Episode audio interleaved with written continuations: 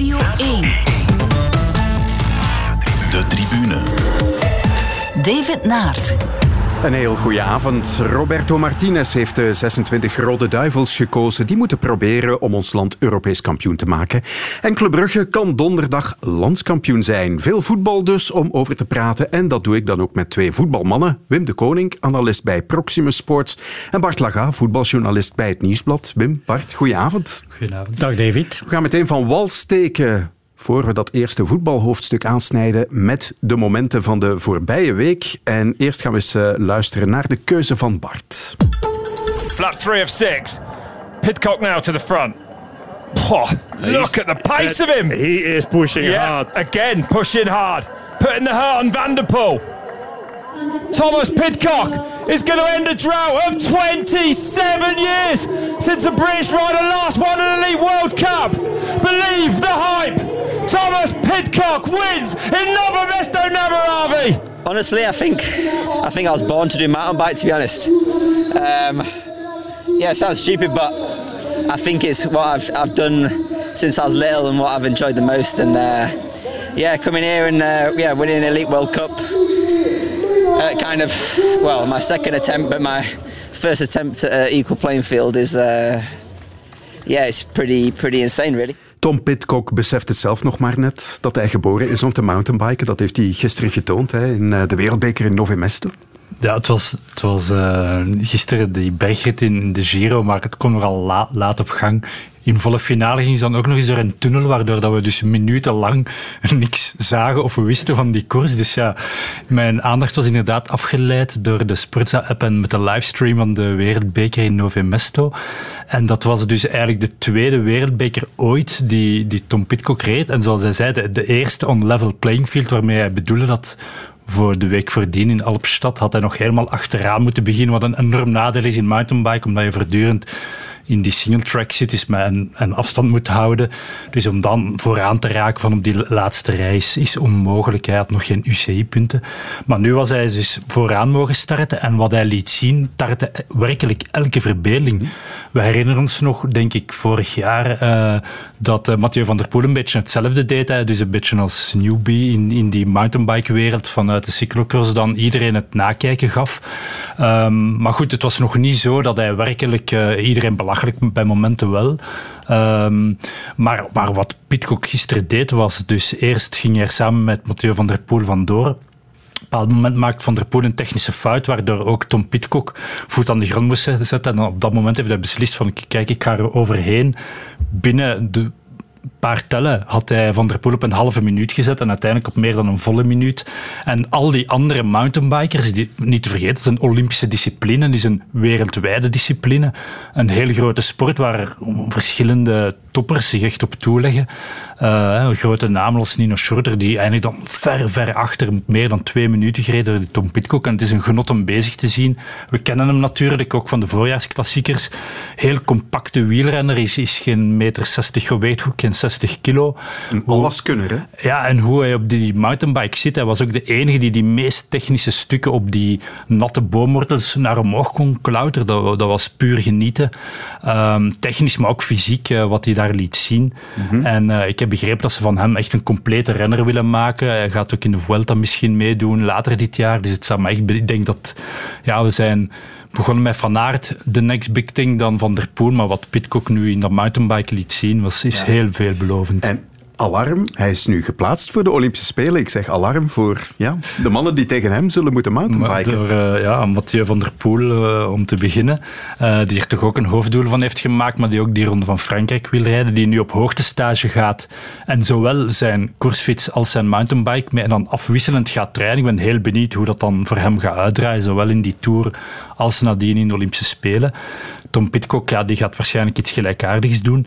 En ja, als je hem ziet rijden, de technische, fysieke overmacht die hij nu al tentoonspreidt, Ja, het is zonder enige twijfel. En, maar het, grappige is inderdaad dat het weinig gescheeld had. Hij was niet eens geplaatst voor die Spelen, omdat Groot-Brittannië te weinig punten had op de ranking. Het is maar door een van de Roemeen, omdat die nog voor een bepaalde Slovaak of Sloveen was geëindigd, ja. Ja. Dat, dat hij toch nog uh, gekwalificeerd is. Ja. Maar in die eerste wereldbekerwedstrijd, Bart, uh, is hij van achteraan ook helemaal voorin gekomen. en had zich wat opgeblazen, waardoor hij dan toch even uh, gas heeft moeten terugnemen. Uiteindelijk vijfde geëindigd, maar is wel helemaal voorin gekomen. Ja, ja. En heeft dan, uh, ja, had daar zijn limieten uh, ontmoet. Hè? Want ik weet nog, pas in november, toen hij een gavere Mathieu van der Poel klopte in, de, in de cyclocross, heb ik hier de maandag nadien gezegd, ja, dat is de toekomstige uh, concurrent voor Evenepoel om de Ronde van Frankrijk te winnen. Dat maakte heel veel ophef. Ik zat me al af te vragen of jij dat was ja, ja, ik had dat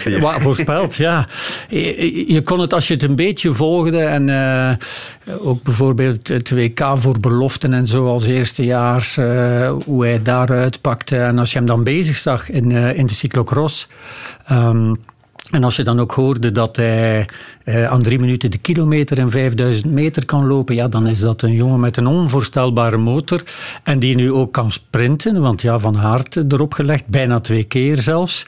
Um, ja, in Kuurne was het zeker dat hij in een pelotonsprint derde werd. Uh, ja, en, en dat, dat hij dan zelf zei, tja, ik word hier derde in een, in een peloton. Ik kan echt alles. I was born to be mountainbiker, zei hij, maar hij is geboren om alles te kunnen. Hè. Dat is duidelijk, maar net zoals Van der Poel doet hij het liefst mountainbike, blijkbaar, want dat doet dat, dat Mathieu ook het liefst. Hè. Ja, dat blijkbaar ze, vliegen over die, die wortels en die stenen, ja, daar, daar halen ze hun hart van op. En, en, dat vind ik ook het mooie, dat ze zo verliefd zijn op dat fietsen. En, uh, en vooral in dat mountainbike komt dat speelse nog wel naar boven. Maar hij is 21 jaar ook. Hè. Eh, en dan zeggen ze, ja, er moet gespecialiseerd worden. Maar hij kan de Ronde van Vlaanderen winnen, hij kan Parijs-Roubaix winnen, hij kan de Tour winnen, hij kan uh, Tokio de gouden medaille pakken. Kan allemaal, hij moet het nog allemaal wel doen. Maar wat hij liet zien in, uh, in de voorjaarsklassiekers was toch wel ongezien op die leeftijd. Ze spelen met de wielerwetten en, en dat is zo mooi. Ja. ja, maar dat is inderdaad zoals je zegt, hè, het, het onverwachte wordt nu het verwachten eigenlijk ja, ja, bij, die, bij die gasten. Dat is heel fijn om te zien. Goed, dan gaan we naar uh, jouw moment, Wim. Lock there maybe with the arm, but we continue. Here's Yuri! It's a stunning goal from Tielemans! What a moment for you. Yeah, what a moment. I'm really happy with this, really. Uh, I can't think of a better goal than this. I've scored a few, but not for Leicester. But uh, yeah, it was a really nice goal to to score in the final of the FA Cup. Was really nice. Absolutely, you, you must have had your heart in your mouth at the end there with that disallowed goal. Yeah, really. Thank you, VAR. What an amazing thing that is. I mean, no, I mean, it's a tough decision, but when you have to make it, you have to make it. It was maybe tight, but it was offside and then yeah, you have to give that goal. Bij de vijfde poging in de Cup Final was het eindelijk prijs voor Leicester, dankzij Juri Tielemans. Ja, um, het leek, een, het was een geweldig schot, een geweldige goal. Um, maar als je goed keek, was hij zelfs een beetje uit evenwicht. Uh, lag hij helemaal achterover en raakte hij die bal, uh, waardoor hij helemaal vlot, zoals hij dat blijkbaar ver, ja, als enige kan. Hè. Hij zei, ik heb er nog wel gemaakt, maar het was niet voor Leicester. Maar we herinneren ons allemaal heel erg lang geleden intussen, denken we, op Oostende. Met links en met rechts. Van zover, uh, ja, identieke goals. Um, het heeft een tijdje geduurd, uiteindelijk, voor Tielemans een wereldster aan het worden is, want hij is hij aan het worden. Um, dus was, als 16-jarige bij Anderlecht was hij geweldig.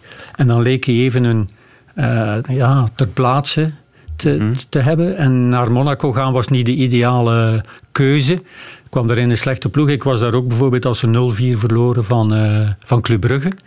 Maar daar vond ik, terwijl iedereen dacht of zei van ja, Tielemans is niet zo goed bezig en wat is dat met Tielemans? En uh, hij kan dat spel ook niet versnellen en hij is geen leider.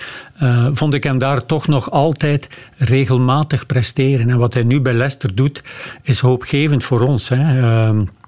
Ja, we gaan Witzel waarschijnlijk missen in het EK of op het EK. Maar met Tielemans daar centraal heb je ondertussen iemand, een echte leider. Hij is eigenlijk Leicester al een beetje ontgroeid. Dat was mijn vraag ja, net. Is het niet tijd nu voor een stap vooruit? God, ja, ze, ze, er zal belangstelling zijn en hij kan mee bij betere ploegen, dat is duidelijk. Alleen hebben zij ook wel de ambitie uh, want ja, ze kunnen nog altijd, ze moeten nu tegen Chelsea, ze kunnen nog altijd rechtstreeks uh, Champions League af, uh, afdwingen. Dus ja, toch niet onderschatten in de Engelse competitie. Houden toch wel wat gerenommeerde ploegen achter zich. En dat is ook een groot deel zijn verdiensten. Speelt bijna alle wedstrijden. Brandon Rodgers vervangt hem amper. Weet echt wel hoe belangrijk hij is.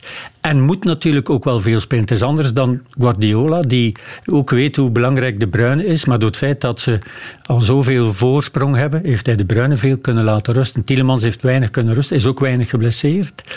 Uh, ja, iemand die, oké, opeens door die goal helemaal in de aandacht komt. Maar um, al een tijdje echt die progressie aan het maken is, pas 24 jaar, maar de toekomst voor België. En, en, hoe komt het dat dat relatief onopgemerkt blijft? Is dat gewoon, ja, Kevin De Bruyne staat daar, is het onvermijdelijk wat in die schaduw van een andere grote Belg in de Premier League? Geen, ja, en ook geen Champions League gespeeld, uh, alleen maar uh, Premier League, alleen maar Premier League, waar dan groot en veel ploegen zijn en een geweldig grote namen. Maar Leicester doet het, uh, doet het geweldig. Uh, winnen de FA Cup, gaan zich waarschijnlijk plaatsen uh, rechtstreeks. En uh, ja, daar is Tielemans toch echt wel ja, de beste speler van het moment. En hij speelde, niet vergeten, ik heb nog vorige week hier gezegd, De Bruyne en Kanté tegen elkaar in de Champions League finale. De twee beste middenvelders van het moment ter wereld, zei ik er bijna bij, maar die wij toch bezig zien. hij heeft Kanté uh, daar op dat middenveld. En Jorginho afgelopen weekend overvleugeld. We hebben Kanté ook niet gezien. Dus hij doet niet alleen zijn uh, aanvallende taak, maar ook zijn verdedigende en verbindende taak. En ja, is, is echt wel iemand die, die, die, die alles heeft. Hè. Hij ziet het, hij heeft het loopvermogen, hij kan het uitvoeren en heeft nog dat geweldig afstandsschot dat ja, niet conform is hoe, hoe het moet aangeleerd worden, maar hij heeft het wel. Ja. Ik wil eraan toevoegen, men zegt dan van ja, de stap hogerop. Hij wordt in verband gebracht met Liverpool, maar eigenlijk zou dat nu in deze een stap achteruit zijn, want Liverpool dat achter League ja, ja, En Leicester City, voor hem, ik denk, het zou misschien toch niet zo slecht zijn. Ze gaan hem proberen te verlengen, denk ik, om dat contract te tekenen. Want de spelstijl van Brandon Rodgers past hem als je gooit, is ook dezelfde manier van spelen als bij de Rode Duitsers, Roberto Martinez. En ik denk dat het een spel is van uh, Tielemans dat heel goed tot zijn recht komt in die dominant spelende ploegen. Hij, hij, verwerkt toch graag wat risico ook in zijn spel. Um, ja, ook dat durven trappen op doel maakt daar eigenlijk ook deel van uit. En ja, dan, dan denk ik dat hij... Ja, misschien is dat wel de reden waarom bij, bij Monaco het helemaal niks geworden is. Hè, want ik heb hem daar ook wel slechte wedstrijden zien spelen. En uh, ja, hij was natuurlijk ook wel wat jonger. Hij heeft zeker stappen gezet. Mm -hmm. uh, hij gaat nog stappen maken, maar op, op dit moment zit hij gewoon perfect bij Leicester. En als ze inderdaad dan winnen van Chelsea morgen, geloof ik, is de wedstrijd. Ja, ja. ja, dan, dan zitten zij gewoon in, in de Champions League. En, en, dan wil ik hem daar wel eens zien mm. spelen. En wat ook zo mooi was uh, om naar die wedstrijd te kijken, was het feit dat er, al, alhoewel het op Wembley was, dat er 21.000 ja. toeschouwers waren. En het was precies of dat stadion vol zat, die ambiance. Hè? Uh, terwijl de wedstrijd niet echt hoogstaand was, hè, want heel erg weinig uh, doelgevaar. Uiteindelijk ja, wel een hoogtepunt via, via Tielemans. Maar het volk dat er aanwezig was, deed ons wel weer verlangen naar ambiance in de stadion. Zeg dat wel hopelijk binnenkort ook bij ons.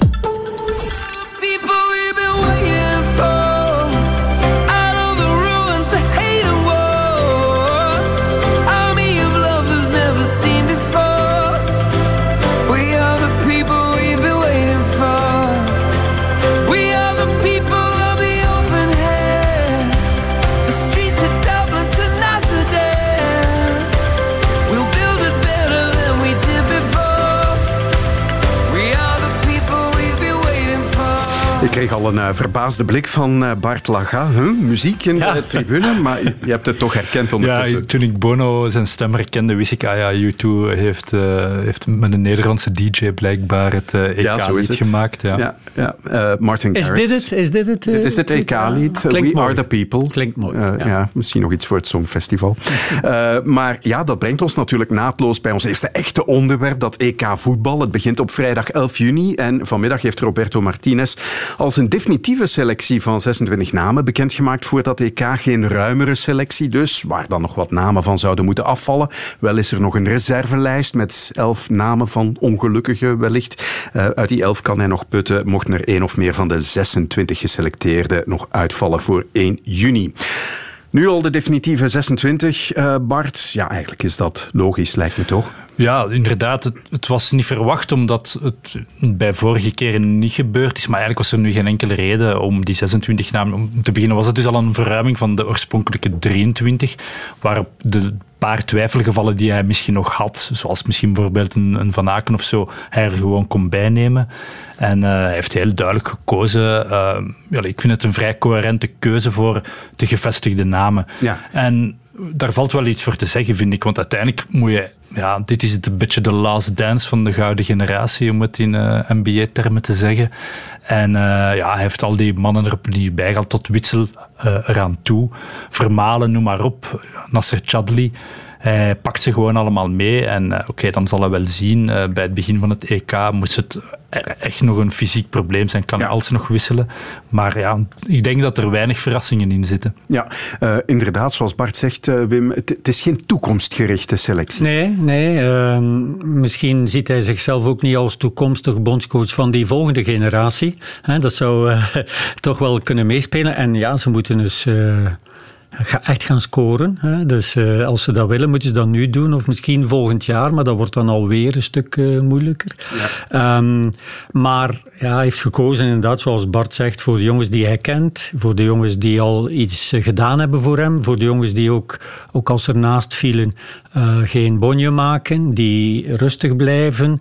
Hij heeft het altijd goed kunnen managen.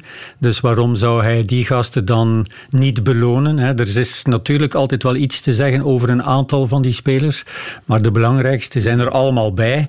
En als je dan inderdaad vanaf 23, 24, 25 en 26 moet gaan discussiëren, ja, dan kan je alleen maar ja, vanuit zijn oogpunt dat bekijken. En dan denk, je, denk ik, uh, beloont hij de jongens die al heel veel voor hem gedaan hebben. Ja. Zullen we er eens uh, doorgaan? Uh, ja, laten we beginnen met de doelmannen. Uh, Courtois, Mignolet, Cels, Wim. Cels in de plaats van Kasteels, die moet ja. worden geopereerd. Ja. Logisch. Logisch. Ja, ja. Cels die terug is. Ja, ja okay. helemaal terug. En ook altijd al goed gepresteerd heeft uh, ook in de Belgische competitie mm -hmm. in de tijd en ook nu in Frankrijk het goed doet. En dus uh, logische keuze. Ja. Uh, hij gaat er ook vanuit dat Courtois alle wedstrijden speelt natuurlijk. Hè, want die staat niet zo graag zijn plaats af. Ook niet als het, ja, als het al gespeeld is bij manier van spreken. Dus ja. Ja, uh, wel vraagtekens zijn te plaatsen bij zijn keuze in de verdediging. Uh, de namen op zich, ja, dat zijn verwachte namen. Alderweireld, Boyata, Denayer, Vermalen, Vertongen. Maar het zijn er wel maar vijf. Ja, maar daar heeft hij het antwoord gegeven van kijk, Leander de Donker kan achteraan spelen. En heeft dat ook vaak gedaan met Wolverhampton. Uh, en uh, de oplettende luisteraar die de Cup Final gezien heeft, zal misschien ook zien dat bij Leicester City Castagne. Timothy Castagne, en dat doet hij, mhm. dat was niet voor de eerste keer, dat heeft hij de voorbije weken gedaan, heeft hij gedepaneerd in een driemansverdediging. Toen dus, Evans uitviel, hè, in, de, in de loop van de wedstrijd. Ja, hè. Dus, uh, ja, maar ook in de wedstrijden voordien, voordien heeft hij ook daar al uh, gedepaneerd. Mhm. Um, dus dat is ook een wisselmogelijkheid. En dan, dan begrijp ik wel dat je dan zegt, oké, okay, dan neem een spits extra mee. En zeker als dat iemand als Christian Benteke is, die eigenlijk ook wel in vorm is, die mm -hmm. al drie wedstrijden op rij nu gescoord heeft. Batshuayi, daar kan hij niet omheen, want elke keer als hij die, die zet, dan, uh, dan vliegen de ballen erin. Uh, die heeft zo'n soort magische schoen of zo bij de Rode Duivels.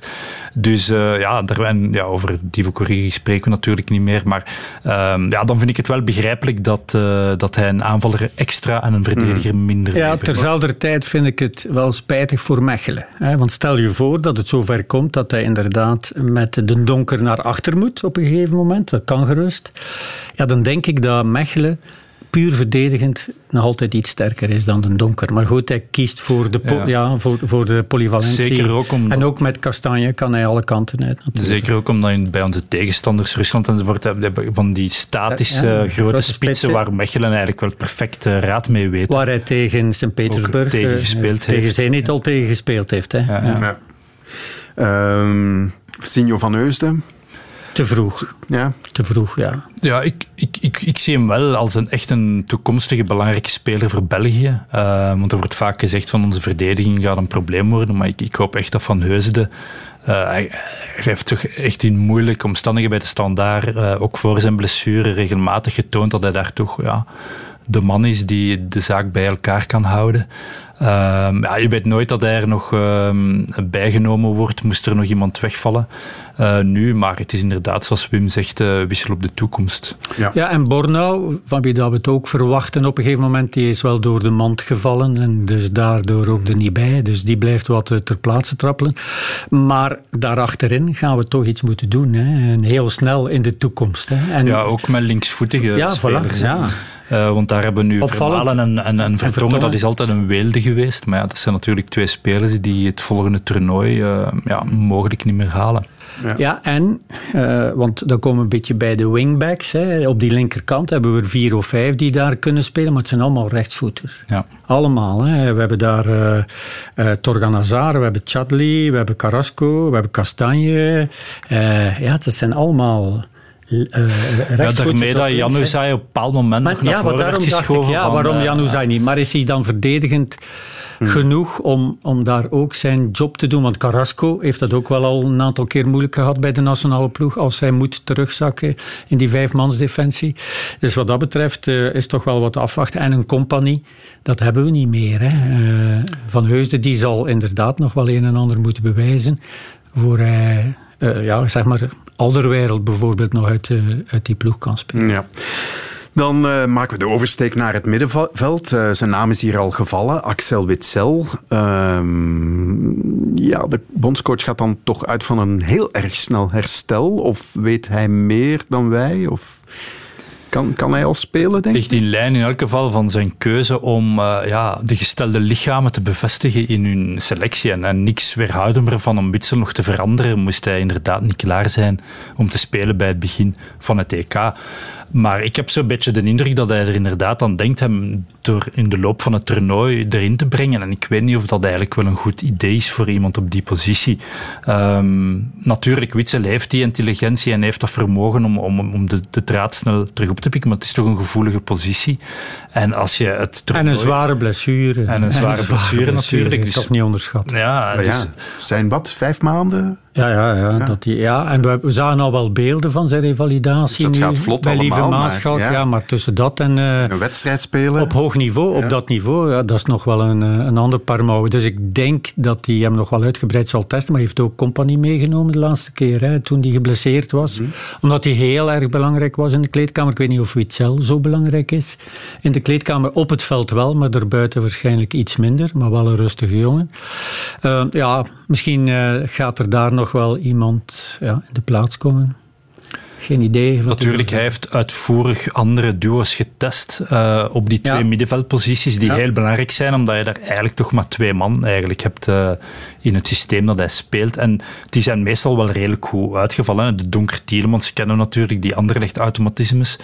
Maar ook Van Aken heeft het heeft daar goed gedaan, gedaan, ja. Praat heeft het daar goed gedaan. Dus er zijn dan wel verschillende spelers Mhm. die daar kunnen. Alleen die, dat puur verdedigende type van Witzel... Uh, ja, een nieuwe Witzel heb je natuurlijk niet. Maar goed, laten we er toch van uitgaan dat zeker uh, in die eerste wedstrijden België dominant genoeg moet kunnen spelen om het... Uh, Ja, en hij gaat ervan uit dat hij hem vooral zal gebruiken één keer dat uh, de groepsfase achter ja, de rug Maar zou jij hem dan plots in de ploeg Ja. zetten, Wim? Nee. Nee, als het... Ook vanaf hoe die ploeg Ja, draait voilà. natuurlijk. En, maar ja, goed, als we gekwalificeerd zijn, zal die ploeg wel draaien. En als een De Donker bijvoorbeeld, die toch wel de gedoodverfde vervanger is voor Witzel, als die het dan drie wedstrijden goed gedaan heeft, ja, dan is dat ook Maar eh, die moet dan beter. ondertussen al depaneren in die Achterin. defensie. Dus Achterin. Ja, ja, ja, ja. Nee, maar goed, eh, inderdaad, die extra aanvallen. Maar gaan we die gebruiken, die extra aanvallen? Dat weten we ook niet. Hè. Dus, eh, maar goed, hij is al blij dat hij er 26 mag meenemen. En Hans van Aken zal ook blij zijn dat hij erbij is. Al Ja, inderdaad. Ja. Ja, zou je nog getwijfeld hebben? Ja. Nee, ik denk het niet. Maar het was wel een slechte timing voor Hans om, uh, om nu opeens uh, bij Club op de bank te geraken. Bah, ik denk nu dat Martinez nog goed... Allee, ik kent wel de kwaliteiten van, van Hans van Aken. Maar natuurlijk, ja, als het dan gaat om vorm van het moment, ja, mm. is er misschien nog wel wat werk aan. Ja. Wie er ook bij is, is uh, Nasser Chadli. Nasser Chadli is more the opportunity to play in both wingbacks roles. And as we know, Nasser, probably his prime position, he will be a left wing back. He can play on the right wing back. But I think is that opportunity of playing in the number 10 role. Nasser had a real good um, adaptation since the March camp. In March, he had a, um, a difficult moment physically. It was the first time that he was fully fit and he was becoming um, match fit with us. His experience at tournament football is important. I think what Nasser lived in, in the World Cup in Russia is, is what you need in international level when you go into a tournament. And as a, as a whole, the, the contribution of Nasser it will be very important in the Euros. Het is een beetje een bedankje voor bewezen diensten, zo lijkt het wel. Maar zouden jullie hem hebben geselecteerd, Chatli? Ik moet eerlijk zijn, ik heb zijn laatste wedstrijden niet gezien. Ik denk, de Turkse competitie. Ja, Dus uh, hij speelt bij Bazakse hier, die op een bepaald moment tegen de degradatie moeten strijden. Hij heeft er nog wel uh, penalties omgezet in een heel belangrijke match. Dat heb ik nog meegekregen, maar ik weet dus niet in welke vorm hij verkeert. Ik heb um, Bazakse hier zien spelen in de, in de Champions League. Deed uh, bijna nooit mee, hè, Toen, ja, maar het, het gaat dus nu over die laatste weken. Ja. Um, ja. Hij is inderdaad uh, geselecteerd op basis van bewezen diensten. Natuurlijk ook op basis van zeker polyvalentie. Al vraag ik me af, moet je hem dan op die nummer 10 rol gaan gebruiken? We hebben er daar veel, hè? Ja, uh, dan zou je daar... We hebben Doku er ook nog bij. Uh, allee, er zijn er daar... Trossard. Trossard. Praat kan daar spelen. Praat, ja, dus dat is niet echt meer nodig. Ja. en nog een andere reden die ik kan bedenken is zijn voorbeeldige ja, mentaliteit. En, en, en natuurlijk, ja, dat is, daar houdt Martinez ook rekening mee. Hè. Dat is de reden geweest dat hij bijvoorbeeld naar Rajan Angolan in der tijd niet meenam. Mm -hmm. hij, wil, hij wil de groep natuurlijk zo rustig mogelijk uh, houden. En, en Chadli ligt fantastisch goed in de groep bij de Franstaligen, bij de Vlamingen. Is een crème van, van, van een kerel. Ja. Um, maar goed, misschien weet Roberto Martinez meer. Het is ook wel zo dat een toernooi is een andere realiteit dan een clubseizoen. Hè. Er zijn heel veel spelers die ineens op een ander niveau kunnen gaan spelen als ze bij de nationale ploeg zijn. Michi Batshuayi is daar het bekendste voorbeeld van. Um, ja, laten we hopen dat Chadli ook zo iemand is. Of hij veel uh, aan minuten zal komen, dat, uh, dat valt te betwijfelen. Mhm. Mm. Ik denk dat er andere jongens uh, toch wel de voorkeur gaan krijgen op hem. Mm -hmm. Zeg je een van de afvallers, Jan. Ja. Hadden jullie die erbij verwacht? Zoals gezegd, om, het, is een linksvoeter. Hè? Het is een linksvoeter. Uh, alleen daar op die wingback-positie is hij zeer offensief. Hè? Hij is ook niet gewend om daar zonder iemand in zijn rug te spelen. Uh, maakte dan de goal tegen Engeland. Toen wij eigenlijk liever niet hadden dat hij ze zou gemaakt hebben. Misschien wordt hij daardoor uh, niet weerhouden. Is een tijdje, ja, is een geweldig talent. Is lang ter plaatse blijven trappelen. In maart was hij er wel opeens weer bij. waardoor hij waarschijnlijk wel zal vermoed hebben dat hij, dat zou geselecteerd zijn. Zeker bij de 26. Ik denk dat het een zware ontgoocheling is voor die jongen. Terzelfde tijd, ja. Dat hij er niet bij is, wil ook zeggen dat er anderen zich meer en meer manifesteren natuurlijk. We hebben dus een heel slechte generale repetitie gespeeld, herinner ik mij een tijdje geleden. Uh een van de laatste keren ja. dat hij. Ja, dat hij ja. Maar goed, ik denk, zijn kwaliteiten vind ik vooral nuttig op die nummer 10 weer, weer positie, omdat hij daar, ja, hij is eigenlijk niet echt een flankspeler, vind ik. Hij is echt meer die. Allee, die ja, een fantastische stylist en linkervoet, eigenlijk vrij uniek. Maar ja, we hebben daar inderdaad, we hebben ze daar net opgenoemd, Eden Hazard, Leandro Trossard in een fantastische vorm.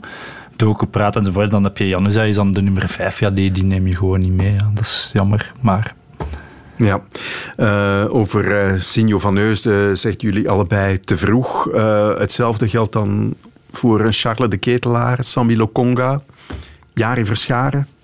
Opnieuw eigenlijk de Ketelaar de ook weer die positie, de denk ik. Ja. Bij Club Brugge zien we dat Charles de Ketelaar ook geen flankspeler is, maar ook iemand die, die dichter, die meer naar het centrum toe moet spelen of om die halfspace moet spelen. En ja, daar zijn gewoon te veel, te veel spelers. Um, Sambi Lokonga is misschien iemand die nog uh, erbij komt als Als Witzel, als Witzel afvalt, dat denk ik wel. Dat denk ik wel. Die daar ook uh, het best of het meest bij aanleunt, denk ik, bij Witzel van manier van voetballen.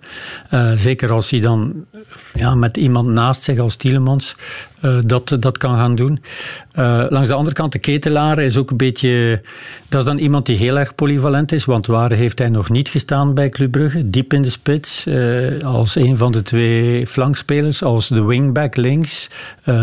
speelt ook graag van die rechterkant, moet dan nu centraal gaan spelen, zegt iedereen. maar veel ook als linker wingback gespeeld hè, bij, bij Club de laatste tijd. Dus ja, en een linksvoeter. Uh, dus ja, en een jonge jongen. Misschien was het, uh, lag hij in de basis uh, of in de, ja, in de balans met, met Chadley. Dat zal wel zo geweest zijn. En het is spijtig voor hem dat hij er niet bij is, vind ik. Mm -hmm. um, we zijn bijna rond wat de selectie betreft. Tot vanmiddag werd er nog gespeculeerd over een comeback van Marwan Fellaini. Zou dat ooit serieus overwogen geweest zijn? In die zin denk ik wel omdat hij zo'n uniek profiel ook weer is om bijvoorbeeld powerplay te gaan spelen. Moet, uiteindelijk willen we wel Europees kampioen worden. En dus je moet gaan nadenken over matchsituaties waarbij dat je ineens moet gaan ja, ballen gaan droppen in de 16 of, of, of ja, echt het oorlogsplunje aantrekken. En ik denk dat we een beetje moeten afstappen van, van die typische kwalificatiematchen die we altijd zien van die Rode Duivels. Nee, ze hebben eigenlijk heel weinig wedstrijden in money time tegen ja, Frankrijk bijvoorbeeld, herinneren we ons allemaal. En dan is Fellaini wel, wel ja, de ultieme krijger die je dan misschien nog had, had kunnen gebruiken. Van de andere kant, ja, hij is er drie jaar niet bij geweest. Lang, ja. Staat ook weer haaks op die filosofie van Roberto Martinez. Ja, het is inderdaad, zoals je zegt, als er iets moet geforceerd worden de laatste tien minuten en er moet chaos gecreëerd worden bij de tegenstander door die ballen te gaan droppen, dan is hij uniek.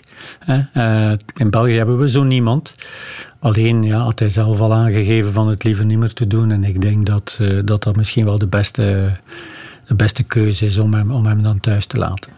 Ja, uh, helemaal tot slot wat het EK betreft. Ik denk dat het Gert Vrij was uh, in het nieuwsblad afgelopen weekend, die een beetje bang is voor het niveau dat we te zien gaan krijgen op het EK. Dat uh, het gros van de protagonisten veel te veel wedstrijden heeft moeten spelen in deze vreemde COVID-tijden. Dat is eigenlijk jullie al, die vrees? Dat is eigenlijk altijd een beetje de vrees. En eigenlijk altijd de vrees die ook wel bewaarheid wordt. Elk toernooi opnieuw zien we dat wel. Maar ik vind dat je het ook positief kan kijken. En dat er dan ook soms wat onverwachte helden kunnen opstaan. Uh, uh, ja, en die kunnen bij, zeker op een EK, kan dat, uh, denk maar aan de Denen die ooit van op, van op het strand uh, ja, ja, Europees werden. maar toch. Ja. Dus uh, ja, dit kan ook weer gebeuren. Hè. We, kunnen, we kunnen misschien wel naar een hele gekke finale kijken en dan misschien is dat ook wel gewoon leuk om, om, om te zien. Um, en ook niet te vergeten, de Belgen hebben ook niet zoveel gespeeld. Kevin De Bruyne gaat extra rust krijgen.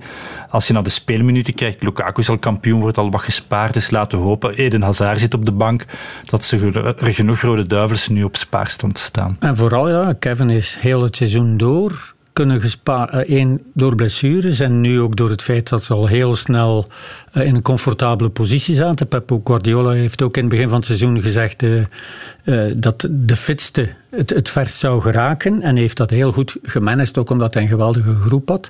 Maar voor Kevin is dat een uh, godsgeschenk uiteindelijk. En ook voor de nationale ploeg. En Hazard, ja, die heeft niet veel gespeeld, om niet te zeggen bijna niet. Maar heel veel jongens, Alderweireld heeft ja, niet alles gespeeld. Nee, voilà. Axel Witsel dus, zal ook niet veel gespeeld hebben. Maar dat is dan voor het Belgisch niveau uh, langs de andere kant zijn er ook heel veel spelers en topspelers die wel veel gespeeld hebben. En misschien dat Gert dat wou zeggen, hè, dat, mm. dat het niveau dan minder zal zijn. Maar uiteindelijk, uh, ja, als je Europees kampioen wil worden, ga je echt wel goed voetbal moeten brengen. De tribune. Straks praat ik met Bart Laga en Wim de Koning nog over de play-offs die hun ontknoping naderen. Maar eerst gaan we naar Italië, waar Peter Sagan vandaag in de sprint de tiende rit heeft gewonnen in de Giro.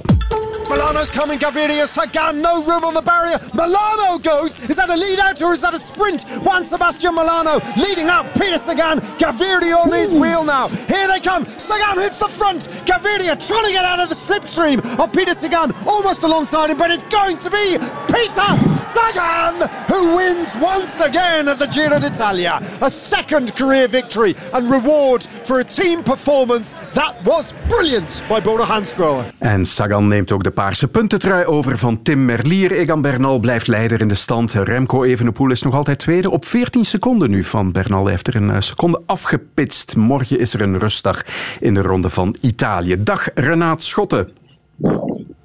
Buonasera, Davide. Zo, ja, we kunnen het goed horen. Je bent in de Giro. Vertel nu eens, uh, bij het ingaan van de eerste rustdag, uh, wat zijn jouw conclusies na de eerste tien dagen van deze ronde van Italië? Het is een uh, Belgische droomgiro tot nu toe. Ik heb zo'n beetje een jaren 70 gevoel met Evenepoel die dan uh, meedraait aan die top daar als tweede. Vier ritwinsten ook al voor, de drie, voor drie Belgische teams. De Koning Quickstep als enige Belgische ploeg nog niks gewonnen. Lotto Soudal twee keer aan het feest met Ewan Enter, Enter Maché. Met Taco van der Hoorn, Alpecin Phoenix met de ritwinst van Merlier. Ereplaats voor Gianni Vermeers van diezelfde ploeg, vijfde, zesde. Het houdt niet op. Dit is eigenlijk fantastisch om te verslaan als verslaggever ter plekke. Ja, en er is natuurlijk de strijd om de roze trui voorlopig, maar het is nog heel lang in het voordeel van uh, Ineos en Egan Bernal. Uh, maar Remco Evenepoel, die het eigenlijk voortreffelijk toch doet hè, tot nu toe in zijn eerste grote ronde. Ja, hij doet het fantastisch. Hè. Ik denk dat hij de verwachtingen eigenlijk uh, meer dan overtreft. En ik ben zeer benieuwd wat er de komende dagen allemaal gaat gebeuren. Te beginnen met overmorgen de Strade Bianche-etappe. Ook al is die dan wel meer geschikt voor Bernal. Maar dan ja, vanaf zaterdag de Tsonkolan, de zogenaamd minder steile kant. Maar dan in de laatste 700 meter krijg je een monsterpiek tot 27%. Ik ben benieuwd hoe Evenepoel daarmee zal omgaan. En, en dan dat parcours in de derde week, dat houdt niet op. Het is kijken nu wat hij gaat doen. Hij gaat voor de eerste keer heeft nu voor het eerst in zijn leven vandaag hier tien dagen op rij gekoerst. Krijgt nu een eerste rustdag. En vanaf overmorgen begint er dan een nieuwe wereld voor Remco Evenepoel. En ik denk dat hij zelf niet weet op dit moment waar zijn grenzen liggen. Ja, hij is een type renner natuurlijk dat het moet hebben van het, het langere klimwerk. Hè. Min, min, hij is niet het explosieve type zoals een Bernal dat wel is. Ja, wat, wat leert het parcours van, van de komende twee weken ons nog? Wat, wat heeft dat te bieden op dat vlak en in wiens voordeel is het?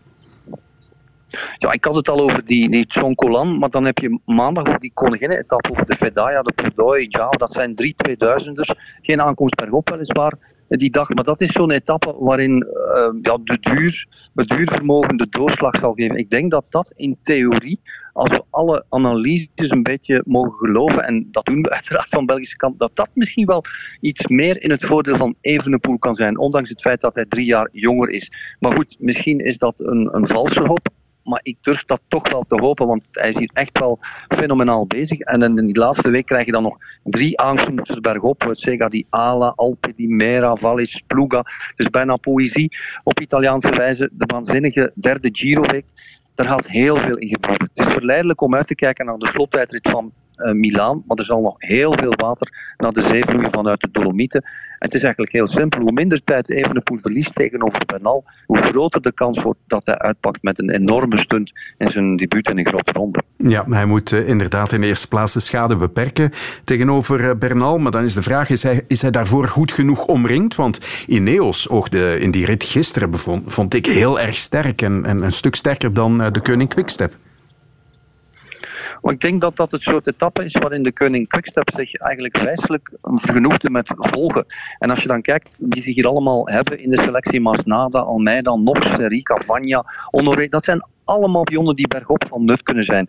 Ze kunnen zich nu eigenlijk in dit ideale scenario gewoon sparen voor week 3 dit is de perfecte situatie voor de Koning Quickstep. Laat die Neos de komende dagen, er zit mm -hmm. nog een gevaarlijke tussenrit tussen, het vuile werk maar opknappen. Ja, uh, twee opmerkelijke dingen in de etappe van vandaag, Renaat. Het, uh, de commentator daarnet zei het al, het uh, fantastische ploegwerk van Bora Hans Grohe om Sagan naar de overwinning te leiden. Maar vooral op, wat was het, 18, 17 kilometer van het einde, die tussensprint met de eerste twee in het klassement die daar bikkelen om de seconde. Ja, dat was een geweldig moment. Hè. Ik, ik heb uh, ja, daar ook enorm van genoten dat dat in de Giro gebeurt. Bernal zelf achteraf deed er niet al te lyrisch over. Ik denk dat hij het een vervelende situatie vond, omdat Evenepoel daar zo vol in ging. En de manier ook waarop hij sprintte. Evenepoel staat niet bekend als de sprinter, maar hij, pakt daar gewoon twee seconden en dan moesten ze bij Ineos nog een pion ervoor zetten. Of het waren drie seconden geweest. Oké, het verschil zou altijd maar één seconde geweest zijn, maar dat illustreert ook alleen maar dat ze bij Ineos niet gerust zijn in de zaak. Want anders zou Bernal dat gewoon laten schieten. Hij heeft daar een, een, pijltje verschoten. Het zal niet de doorslag geven op het einde van de rekening in Milaan. Maar dat ze hier bikkelen om die bonificatieseconden, dat maakt het alleen maar extra interessant. Ja, uh, je hebt zelf je eigen hooggespannen verwachtingen rond Evenepoel geschetst. Maar ja, Renaat, moeten we af en toe weer niet eens op aarde neerdalen en onszelf inpeperen. Dit is zijn eerste grote ronde. Hij heeft negen maanden lang niet gekoerst. Ja, er zijn toch tal van onzekere factoren. Dat, dat klopt, absoluut. Maar eigenlijk um, in dat verhaal had hij nu al een steek moeten laten vallen. En dat heeft hij niet gedaan. Mhm. Hij loopt meer in dan de verwachting. Ik denk dat de hype dan ook meer dan terecht is. Hij rijdt hier ook rond met een mindset van ik ga hier voor de winst. Hij gaat, heeft dat eigenlijk nog niet uitgesproken. We hebben het hem eigenlijk ook nog niet expliciet gevraagd. Dat is dan voor misschien komende zaterdag. Uh, kijken wat er gebeurt op het Zonkolan. Maar in zijn mind, uh, in zijn gedachten, is hij gewoon bezig met te proberen deze Giro te winnen. Uh, daar ben ik zeker van. Hij is een winnaarstype en hij wil zijn mentaliteit graag omzetten in, in de realiteit op het asfalt. Ja, tot slot, Egan Bernal. Hij oogt ook wel bijzonder sterk. Hij oogt heel sterk. Um, al heeft hij gisteren nog laten weten dat zijn benen meer pijn doen dan zijn rug. En die rug, dat is toch wel ja, zijn Achilleshiel op dit moment. Wordt elke dag behandeld voor en na de etappe. Hij moet ook specifieke oefeningen doen ja, dat is toch allemaal uh, niet evident. Ik ben zelf ook al rugleider geweest. Als je dan moet fietsen op topniveau met een rugprobleem, dan kan je de vraag stellen of dat geen tikkende tijdbom is. In elk geval zijn mentaalfront staat op zee niet. Zijn vriendin staat hier elke dag aan start en finish. Dat is een, een veearts uit Bogota, Maria Fernanda uh, Mottas is haar naam, nieuwe vriendin. En ook dat geeft vleugels naar het. Oké. Renaat, dankjewel voor de toelichting vanuit Italië. En uh, ik wens je eerst en vooral een goede rustdag ook morgen. En vooral nog een boeiende twee weken in de Giro. Tot gauw. Ciao, ciao. Ciao. Ja, Wim, Bart, volgen jullie tussen al het voetbal door ook de Giro? Ja, ik, uh, ik kijk naar uh, alle finales alleszins en soms ook wel van in het begin van, uh, van de koers. Ik moet zeggen, vandaag ben ik afgehaakt op het moment dat Tim Merlier moest lossen, want ik heb een boon voor Tim Merlier. en uh, goed, ik moest ook naar hier komen, maar dan dacht ik, ja, het zal niet voor vandaag zijn. Ik had gehoopt dat hij zijn tweede ritzege zou pakken. Ik vond het al geweldig dat hij inderdaad die eerste ritzege pakte. De wereldtop toch ja. klopt in de sprint. Ook voor hem een heel nieuwe ervaring. Hè? Heel nieuwe ervaring. Maar ja. het was al te zien de laatste, of dit seizoen in alle sprinten die hij afleverde, dat hij veel sneller is dan hij zelf durft te vermoeden. Is heel erg bescheiden, een beetje ja, te bescheiden soms, denk ik. En braaf in het positie kiezen ook in die sprinten. Ik denk als hij niet in Ewan uh, hapert en zijn ketting kwijtgeraakt, uh, ja, of, of dat hij eraf valt, dat hij ook al die tweede ritzege kon gepakt hebben, die, de eerste van. Uh, dus ja, hij zal natuurlijk deze Giro niet uitrijden. Het is ook de eerste keer voor hem op dit niveau zo lang en heeft nu al afgezien om zo ver te geraken en het zwaarste moet nog komen. Dus nu dat hij de paarse trui kwijt is, gaat hij, gaat hij het wel stoppen. En ook, ja, ik ben ook... Uh,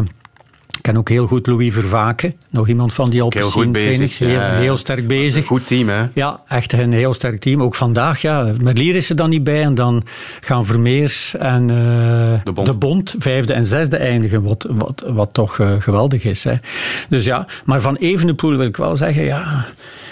Mochten we dat verwachten van die gast? Heeft op geen enkel moment heeft hij nog gezegd: jongens, kalm. Uh, ik, ik, het is maar mijn eerste wedstrijd en ik heb nog nooit drie weken gereden. En je hoort hem het allemaal niet zeggen.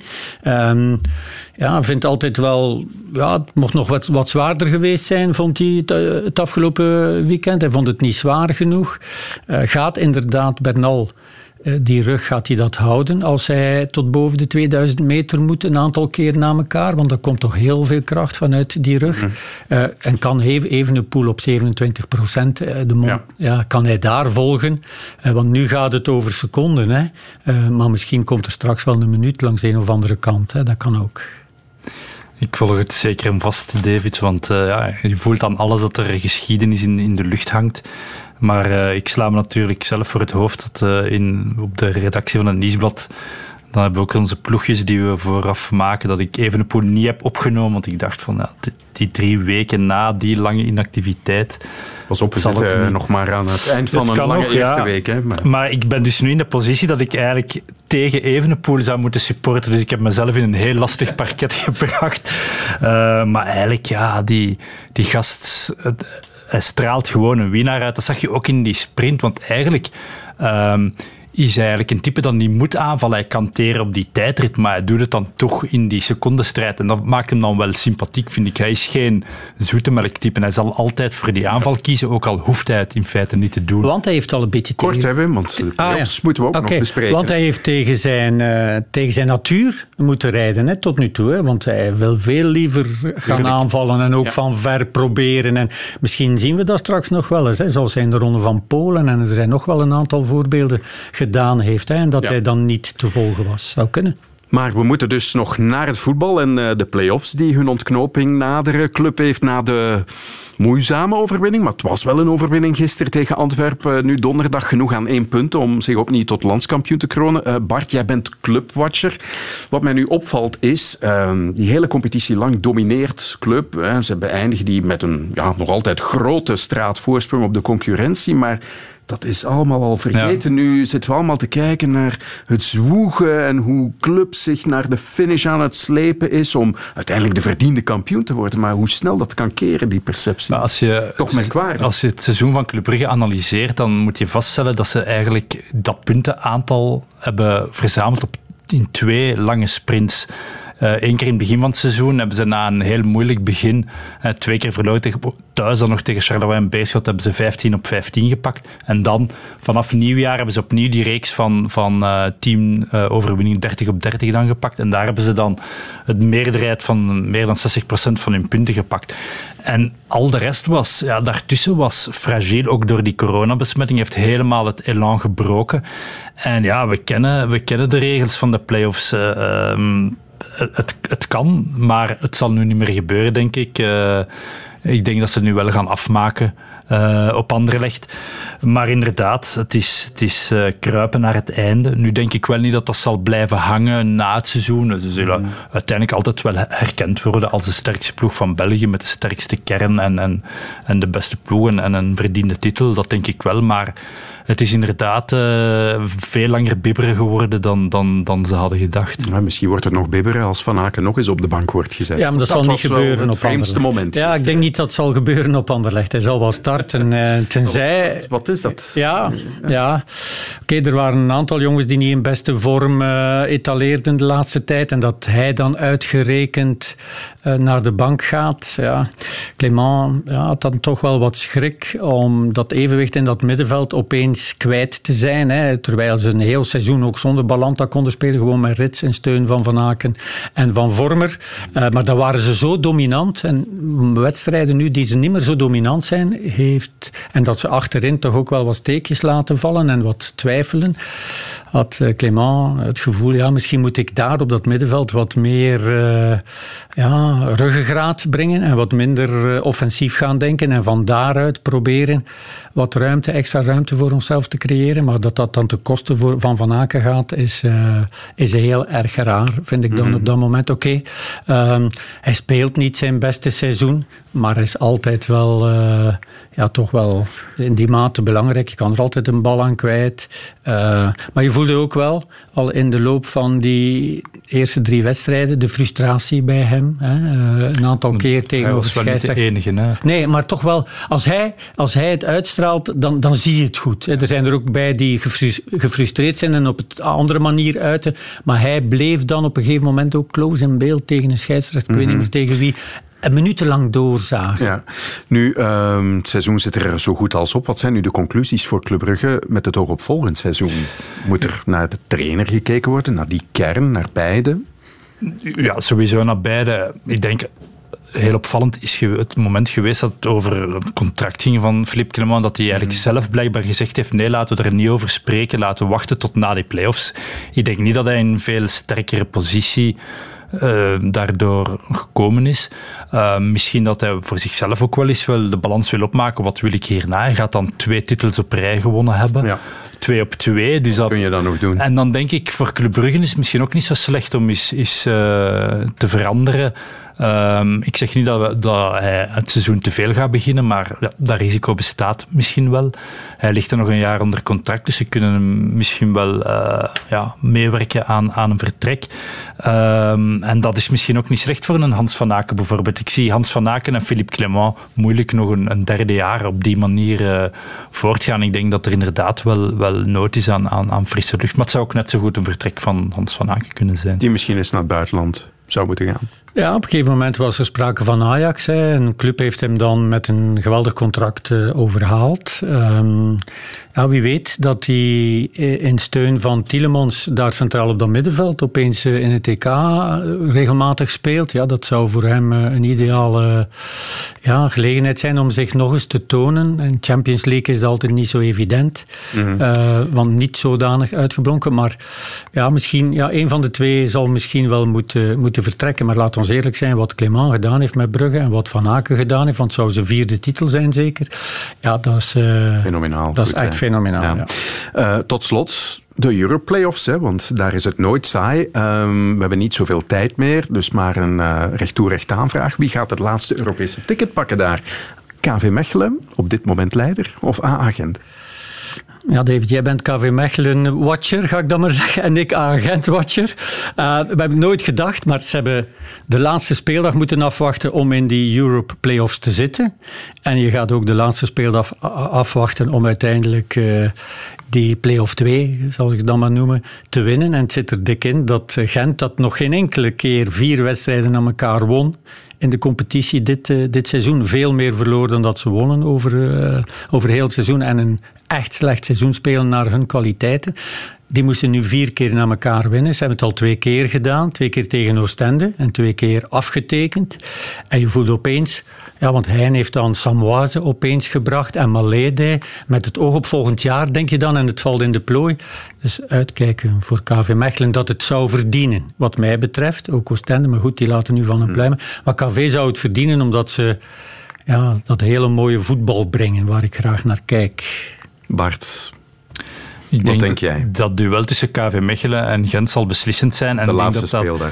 Ik denk dat dat een prachtige finale wordt om dat laatste Europese ticket uh, aan te duiden. Ja, Gent heeft Uh, slechte herinneringen aan KV Mechelen. Hè? De Ja, zeker bekerfinale.